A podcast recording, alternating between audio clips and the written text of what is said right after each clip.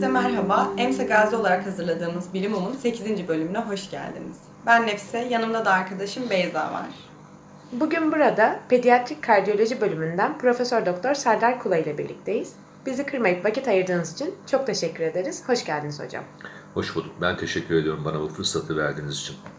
Bize biraz kendinizden bahsedebilir misiniz? 1991 yılında tıp fakültesinden mezun oldum. Eskişehir Anadolu Üniversitesi'nden. Artık öyle bir fakülte yok tabii ki. Şu an Osman Gazi Üniversitesi oldu. Bir yıllık bir mecbur hizmetin ardından Gazi Üniversitesi'ne başladım ve 92'den beri de Gazi Üniversitesi'ndeyim.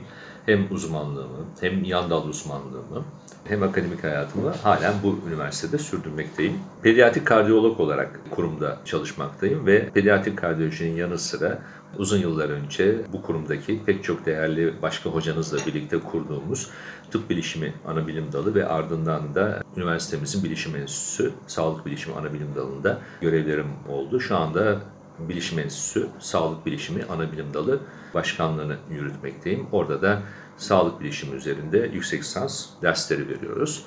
Bu kadar.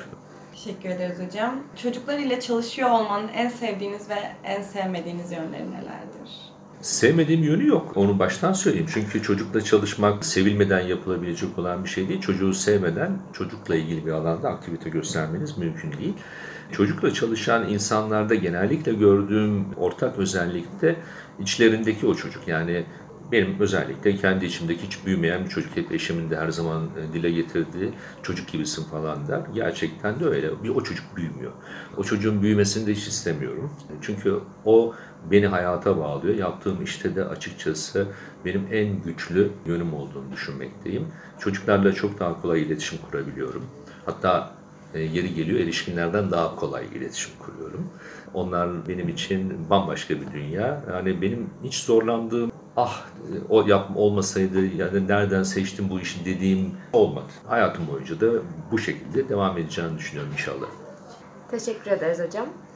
Çocuk kardiyolojisinin erişkin kardiyolojisinden temel farkları nelerdir? Aslında temelden öte çok büyük farkları var. E, her ikisi de kalp olarak e, bakılsa da gelişim süreçlerine baktığınız zaman çocuk kalbi anne karnından itibaren ya 8. haftada atmaya başlayan bir organ olduğunu düşünürseniz o noktadan itibaren bizim alanımıza giriyor.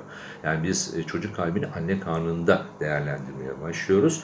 Ardından da hem doğumsal hem de doğum sonrasında kazanılmış olan bir takım başka problemlerle harmanlanarak çok geniş bir spektrumda bir hastalık profili karşımıza çıkıyor.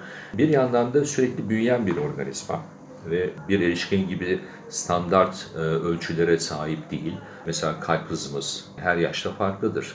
Vücut kütle indeksimiz, vücut yüzey alanımız her yaşta farklıdır. Beraberinde e, bu gelişimsel süreçle birlikte başka organların etkileşimi çocuk kardiyolojide çok daha fazladır. Bütün bunları bir araya koyduğumuz zaman çocuk kardiyoloji, erişkin kardiyolojiye göre farklılıklar içeriyor. Temelde farklı olduğumuz konu bizim ilgilendiğimiz, e, ağırlıklı olarak gördüğümüz vakalar doğuştan kalp hastalıkları. Erişkinlerde bunlar çok daha azdır. E, yok denecek kadar azdır. Erişkinler daha ziyade kazanılmış kalp hastalıkları ile ilgilenirler. Temel noktalar bunlar, öyle söyleyeyim. Hı. Teşekkür ederiz hocam. Çocuklarda kalp hastalıkları tedavi uygulamadan kendi kendine iyileşebilir mi? Evet, kısmen evet, kısmen hayır. Çünkü bazı doğuştan kalp hastalıkları, bazıları diyorum, süreç içerisinde, o büyüme gelişme süreci e, içerisinde kendiliğinden düzelebiliyorlar. Ama bu hepsi için geçerli. Bu oldukça küçük bir yüzdeyi oluşturuyor. Doğuştan kalp hastalıklarının bu arada sıklığına da değinelim. Ee, sevgili dinleyicilerimizle paylaşalım. Toplumdaki sıklığı genel olarak binde 8 yani yüzde bire yakın bir oranı var. Bu da şu demektir, bizim ülkemiz için bir e, realiteye değinmek gerekirse her yıl 1 milyon 300 bin, 1 milyon 500 bin arası bir çocuk doğar ülkemizde. E, bu da aşağı yukarı her yıl doğuştan kalp hastalıklı çocuk havuzuna 13-14 bin arasında yeni hasta geliyor demektir. Ama bunların hepsi aynı ağırlıkta, aynı ciddiyette değildir. Çok çok küçük bir kısmı doğumdan hemen sonraki ilk e, birkaç ay içerisinde kendiliğinden düzelir ama büyük kısmı da daha sonra da devam eder ve tedavi gerekliliği ortaya çıkar. Çok teşekkür ederiz hocam. Çocuklarda kalp rahatsızlığı araştırmaları, tedavileri ve ameliyatları ile ilgili son gelişmeler ve teknikler nelerdir? Ee, aslında çocuk kardiyoloji ile ilgili bu vesileyle bir paylaşımda daha bulunayım müsaade edersiniz. Ee, 8 Mart'ta bir kitap çıkardık biz. Akciğer Damar Hastalıkları ve Araştırma Derneği aracılığıyla. Şu an onların web sitesinde de bu kitaba hala ücretsiz olarak ulaşmak mümkün. 10 Kadın Doktor kitabın ismi ve bu kitaptaki içerik şu. Çocuk kardiyolojiye emek vermiş. Çocuk kardiyolojinin kuruluşundan bugüne kadar çok değerli katkılar sağlamış 10 kadın bilim insanının hayatını e, yazmayı düşündük ve asıl orijinal kısmı bu 10 kadın bilim insanının hayatını bugünün 10 kadın pediatrik kardiyoloğu yazdı. Yani kadınlar kadınların hayatını yazdı. Çok da ilgi uyandırdı açıkçası. Gerçekten e, hem yazarlar hem okuyucular o bilim insanlarının hayatlarındaki e, çok önemli noktaları görme şansına sahip oldular. Birkaç örnek verecek olursam mesela o yıllarda üniversitelere, tıp fakültelerine kadınların alınmadığını gördüler. 1900'lerin başları. Çok ünlü bir pediatrik kardiyoloğun babası Harvard'da bir profesör olmasına rağmen Dr. Helen Tazigi'yi tıp fakültesine Harvard'a kabul etmemişler mesela. Babası Harvard profesörü ama kızını Harvard'a almıyorlar. Sebep kadın olması. Bunun gibi bir takım bir sürü zorluklar, yeni keşifler vesaire. Kitabı tabii o hayatları okurken nereden nereye geldiğimizi görme şansımız da oldu. Hem toplumsal yaşam anlamında hem de bilimsel anlamda kazanımlarımızı gördük. Mesela pulmoner kapağın açılması, balonla açılması işlemi e, çok çok yakın zamanlarda yapılmaya başlanmış bir işlem. Yani çok çok eski değil. Uzun lafın kısası pediatrik kardiyoloji 1960'lardan başlayarak oldukça ivme kazanmış bir e, alan. Hem tedavi e, anlamında hem de bilimsel farkındalık anlamında e, o daha önceki sorularda konuştuğumuz erişkin kardiyoloji, çocuk kardiyoloji farkı anlamında. Çünkü önceliklerde sadece erişkin kardiyoloji şemsiyesi altında her şeye bakılıyordu. Artık farklı bir yeri olduğunu kabul ediyoruz. Ve bu çerçevede e, yapılan yeniliklerin en son geldiğimiz noktayı size şöyle özetleyebilirim. Hemen hemen her türlü doğuştan kalp hastalığı diyebilirim. E, kolaylıkla ister girişimsel yani anjiyoda ameliyatsız, ister de ameliyatla e, cerrahi olarak düzeltilebilmekte. Çok çok nadir birkaç ağır kalp hastalığı, kompleks ağır kalp hastalığını henüz tedavi şansı bulunmamakta. Ama geçmişe baktığımız zaman hele biz kardiyologlar, pediatrik kardiyologlar bizim kurumumuzda da bu çok yaygın olarak yapılıyor. ASD, PDA gibi böyle soldan sağa şantlı kalp hastalıklarını ameliyatsız tedavi edebiliyoruz. Sadece anjiyoda ya da darlıkları, e, aort koagülasyonu, aort darlığı, pulmoner darlık gibi kapak darlıklarını ya da damar darlıklarını e, ameliyatsız tedavi edebiliyoruz. Stent koyarak, balonla vesaire. İlaçlar çok değişti. Benim özel ilgi alanlarımdan birisi pulmoner hipertansiyon. Bu konuda ülkede sayılı insanlardanım. Uluslararası da birçok platformda görevim var. Ve bu pulmoner hipertansiyon alanında da çok çok yeni ve güçlü ilaçlar piyasaya sürüldü, geliştirildi ve bunlarla da pulmoner hipertansiyon hastalarımızın yaşam sürelerini uzatma şansımızın yanı sıra hem uzun hem de kaliteli bir yaşam sağlama fırsatımız oldu. Bunları size sayabilirim. Bir de için içinde gelecekte neler var derseniz gelecekte artık genler var. Yani genlerle ilgili yeni tedaviler gelecekte çok büyük sürprizlerle bizi bekliyor. Teşekkür ederiz hocam. E, meslek hayatınız dışında ilgilendiğiniz başka alanlar var mı? Varsa neler? Bize biraz bahsedebilir misiniz? Çok. Hangi birinden bahsedeyim? Pekala. Biraz bu açıdan şeyimdir. Maymun iştahlıyım diyebilirim açıkçası. Ee, yok. E, genel yaşam felsefem her şeyi yap. İçinde hiçbir şey kalmasın. Yani ah keşkelik, geçmiş yönelik, şunu da yapsaydım, neden bunu yapmadım tarzı hiçbir şeyim olsun istemedim. Tüm yaşamımda hep bunu kendime e, ilke edindim, öyle e, ifade ettim. Bu vesileyle de yapabildiğim her şeyi yapmaya çalıştım. Bazılarını biraz daha ileriye götürdüm, bazılarını birkaç denemeyle bıraktım ama yaptım mı? Yaptım anlamında. Ama yapmaktan çok hoşlandığım kendi mesleğim dışındaki aktivitelerin başında fotoğrafçılık geliyor. Birincisi o. İkincisi bilgisayar dünyası, yazılım, bilişim teknolojileri ki hala biliyorsunuz bir önce de söylediğim gibi Bilişim Enstitüsü'nde bu alanda bir e, ana bilim dalı başkanlığında aktivitemi e, sürdürüyorum, dersler veriyorum. Yani bir diğeri de dalış diyeyim, onu söyleyeyim. En çok ön plana çıkarabileceklerim bunlar. Ama bunun dışında yaptıklarım arasında ve geçmişte büyük bir memnuniyet, onurla andığım şeyler var. Çok da başarılı olmasa da iyi kötü bir şarkı e, söyleme koro aktivitemiz var hekimlerden oluşan. E, bu koro aktivitemiz e, sırasında çok değerli sanatçımız sevgili Nülfer Hanım'la birlikte sahne almışlığımız var. Onun arkasında söylemiş olmanın onuru benim için paha biçilmez. Bir diğeri hem TRT'de, televizyonda 13 haftalık bir canlı yayın deneyimim oldu. O ayrı bir güzellik. TRT'nin dünyasını yakından tanıma fırsatım oldu. Çok değerli insanlar orada tanıdım. Bambaşka bir dünya. Bir diğeri radyo programcılığı aktivitelerim oldu. Kendi radyo programlarım. Bunların hepsi bana farklı katkılar sağladı aslında en çok sağladığı katkı da hitabet katkısı. Çünkü bizim mesleğimizdeki en önemli şeylerden biri de o. Hem akademisyen olarak etkinliklerde topluluğa daha iyi hitap edebilmek, topluluğu kendi etrafınızda kilitleyebilmek hem de mesleki olarak da hastalarla iletişiminizde çok daha büyük, güçlü avantajlar elde etmenizi sağlıyor. Onun için bu tür etkinlikler aslında ben her meslektaşıma tavsiye ederim. Yani işin içinde hitabet, radyoculuk. Radyoculuğu yapabilirseniz zaten her şeyi yaparsınız. Çünkü tek başınıza bir mikrofonun karşısında e, konuşuyorsunuz. Karşınızda bir takım insanların sizleri dinlediğini biliyorsunuz, varsayıyorsunuz ya da öyle diyelim. Ama onları görmüyorsunuz, duymuyorsunuz. Akıcı bir şekilde, düzgün bir Türkçe ile konuşmanız gerekiyor. Bu da tabii size çok büyük kazanımlar sağlıyor. Teşekkür ederiz hocam. Tıp fakültesi ya da uzmanlık yıllarınızdan sizi etkileyen bir anınızı bizimle paylaşabilir misiniz? Doktorun anıları pek eğlenceli olmaz aslında. Hep dramatiktir ama ben eğlenceli anım var mı diye düşünüyorum ama burada biraz düşüneceğim. Şimdi gerçekten sizi böyle üzücü bir anıyla bırakmak istemem ama evet şöyle söyleyeyim anı demeyeyim de hasta hikayelerinden bahsedelim isterseniz hani çok anılar olmasın hasta hikayesi gibi olsun. Bir gün bir hastamız spor yapıyor, tekvando sporu. Çocuk daha doğrusu. E, babası da spor öncesi kontrole getirmiş. Herhangi bir sorun var mı dedim sizin gözlemlediğiniz. Ondan sonra Hayır dedi, sadece dedi benim oğlum çok başarılı bir tekvandocudur.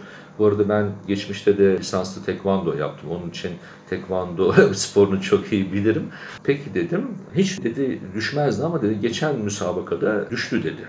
Nasıl düştü dedim.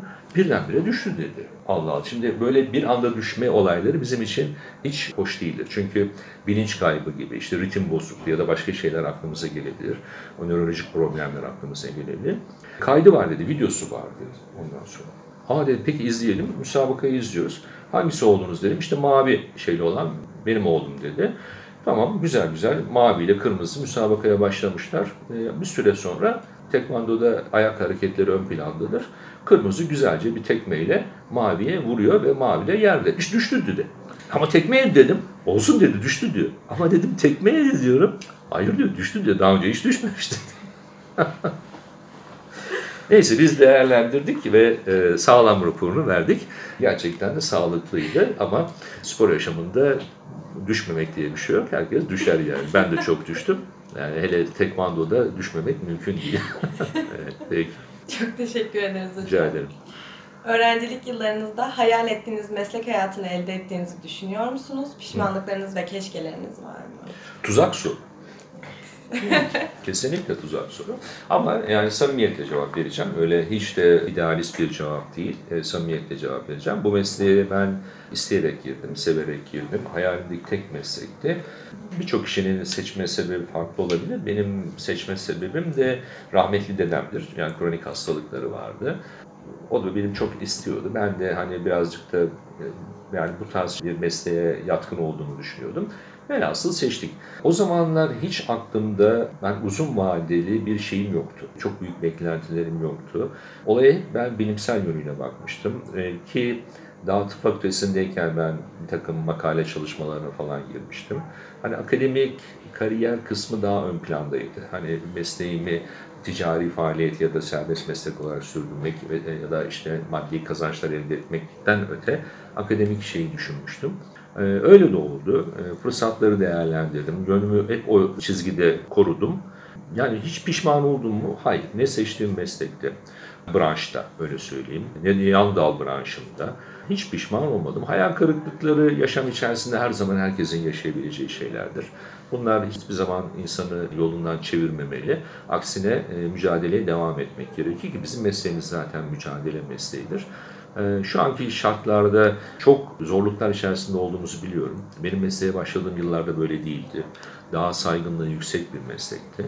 Giderek maalesef bu açıdan çok büyük e, bir dejenerasyon var ve mesleki travmamız var, kabul ediyorum. Ama birlik olursak aşılacağından da hiç şüphem yok. Kesinlikle aşılır. Önemli olan bizim meslektaşlar olarak birbirimize destek vermemiz. Eğer biz bir kenetlenirsek bizi kimse çözemez. O yüzden mesleğinizden hiç soğumayın derim. Yani samimiyetle söylüyorum. Çok büyük beklentileriniz de olmasın. Hani mesela şöyle bir örnek de vereyim. Hem Amerika'da hem Türkiye'de, Amerika'da nasıl oluyor onu bilmiyorum ama bir hocamız bahsetmişti. Onlar bizden daha iyi kazanıyorlar çünkü. Ama şöyle bir pediatrik kardiyologlar arasında bir laf varmış. Biz Eko'da aort kapağını e, kısa eksende baktığımız zaman bir araba markasının ters duruşu şeklinde görürüz. Üç kapağı. Ve şöyle bir söylem olurmuş pediatrik kardiyologlar arasında. Pediatrik kardiyologlar o arabayı sadece Eko'da görürler diye. Yani hiç kazanacak kadar, o arabayı alacak kadar para kazanamazlar diye. Mesleğinize onun için maddi kazanım yönüyle bakmayın. Mesleğinizi severek yapmayı düşünün. Bir ömür boyu yapılabilecek nadir mesleklerden. Yani eliniz ayağınız tuttuğu sürece, aklınız başınızda olduğu sürece yani mezara kadar yapılabilecek bir meslektir bu. Öyle çok fazla alet edevata gerek yoktur. Zaten e, benim her fırsatta söylediğim bir söz, bir hastayı muayene etmeden önce öyküsünü aldığınızda aklınızda bir teşhis, tanı yoksa zaten muayene ettikten sonra da hiçbir şey olamayacaktır. Yani işin o kısmı, öykü ve inspeksiyon bizim için çok çok kıymetlidir mesleki anlamda. O yüzden çok fazla enstrümana ihtiyaç olmadan yapılabilecek bir meslektir.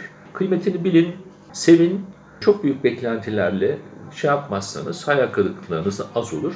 E hocam aç mı kalacağız? Hayır tabii ki aç kalmayacağız. E, ama o ayrı mesele. Olaya sadece maddi boyutuyla değil, mesleki tatmin boyutuyla bakın anlamında söylüyorum. Öbür tarafı bir şekilde halledilir. Yani nasıl olsa iyi kötü herkes bir şekilde karnını doyuruyor. O yüzden hiç o tarafa takılmayın diye söylüyorum. Söyleyecek başka bir şey yok. Çok teşekkürler hocam. Başınız dara düşerse de beni arayın. Sıkıntı yok. Teşekkür Moral veririm size. Evet, peki. Son olarak podcastlerimizde her hocamıza sorduğumuz klasik sorumuzla bitiriyoruz. Biz tıp fakültesi öğrencilerine bir tavsiyede bulunacak olsaydınız bu ne olurdu? Evet, tıp fakültesi öğrencilerine benim her zaman ilk tavsiyem, ilk ve tek tavsiyem sadece bütün hayatınız bu meslek olmasın. Yani sorularınız arasında gördüğünüz gibi biraz maymun iştahlıyım, her şeyi yaptım demiştim ya. Aslında o hekimin güçlü yanıdır. Yani hekim mesleği itibariyle bir soruna, bir sağlık sorununa tek bir pencereden bakmaması gereken bir insandır. Eğer siz sorunu sadece kendi pencerenizden, kendi branşınızdan ya da kendi gördüğünüz ilk e, bulgularla yorumlar ve tedavi etmeye, teşhis koymaya çalışırsanız tanı atlarsınız. O yüzden çok yönlü e, olmak, farklı pencerelerden konuya farklı bakış açılarıyla bakıp yorumlayabilme becerisine sahip olmanız gerekir. Bir hekimin olması gereken en önemli özelliği budur. Çok yönlü olması. Burada kastettiğim şey multitasking dediğimiz o aynı anda birden fazla işi yapabilme becerisi değil. Donanımsal olarak farkındalık anlamında çok yönlü. Onun için birçok şeyle, hobiyle uğraşmanızı tavsiye ederim. Kitap okuyun. Edebiyatı ön plana çıkarın çünkü e, edebiyat, kitap okumak, bu dili düzgün konuşmak ve biraz önceki sorularda bahsettiğim hitabet kısmı iletişiminizi güçlendireceği için hasta hekim arasındaki sorunları, çatışmaları da en aza indirir. Bu sizin güçlü yönünüz olur. Sinemaya gidin, tiyatroya gidin, sanattan uzak durmayın. Sanat bu meslekle ayrılmaz bir başka bir platformdur. Yani sanat yönü güçlü olan hekim, yani sanatçı olmanız gerekmiyor. E, ressam olmanız, efendim söyleyeyim, ses sanatçısı olmanız, tiyatro sanatçısı olmanız gerekmiyor.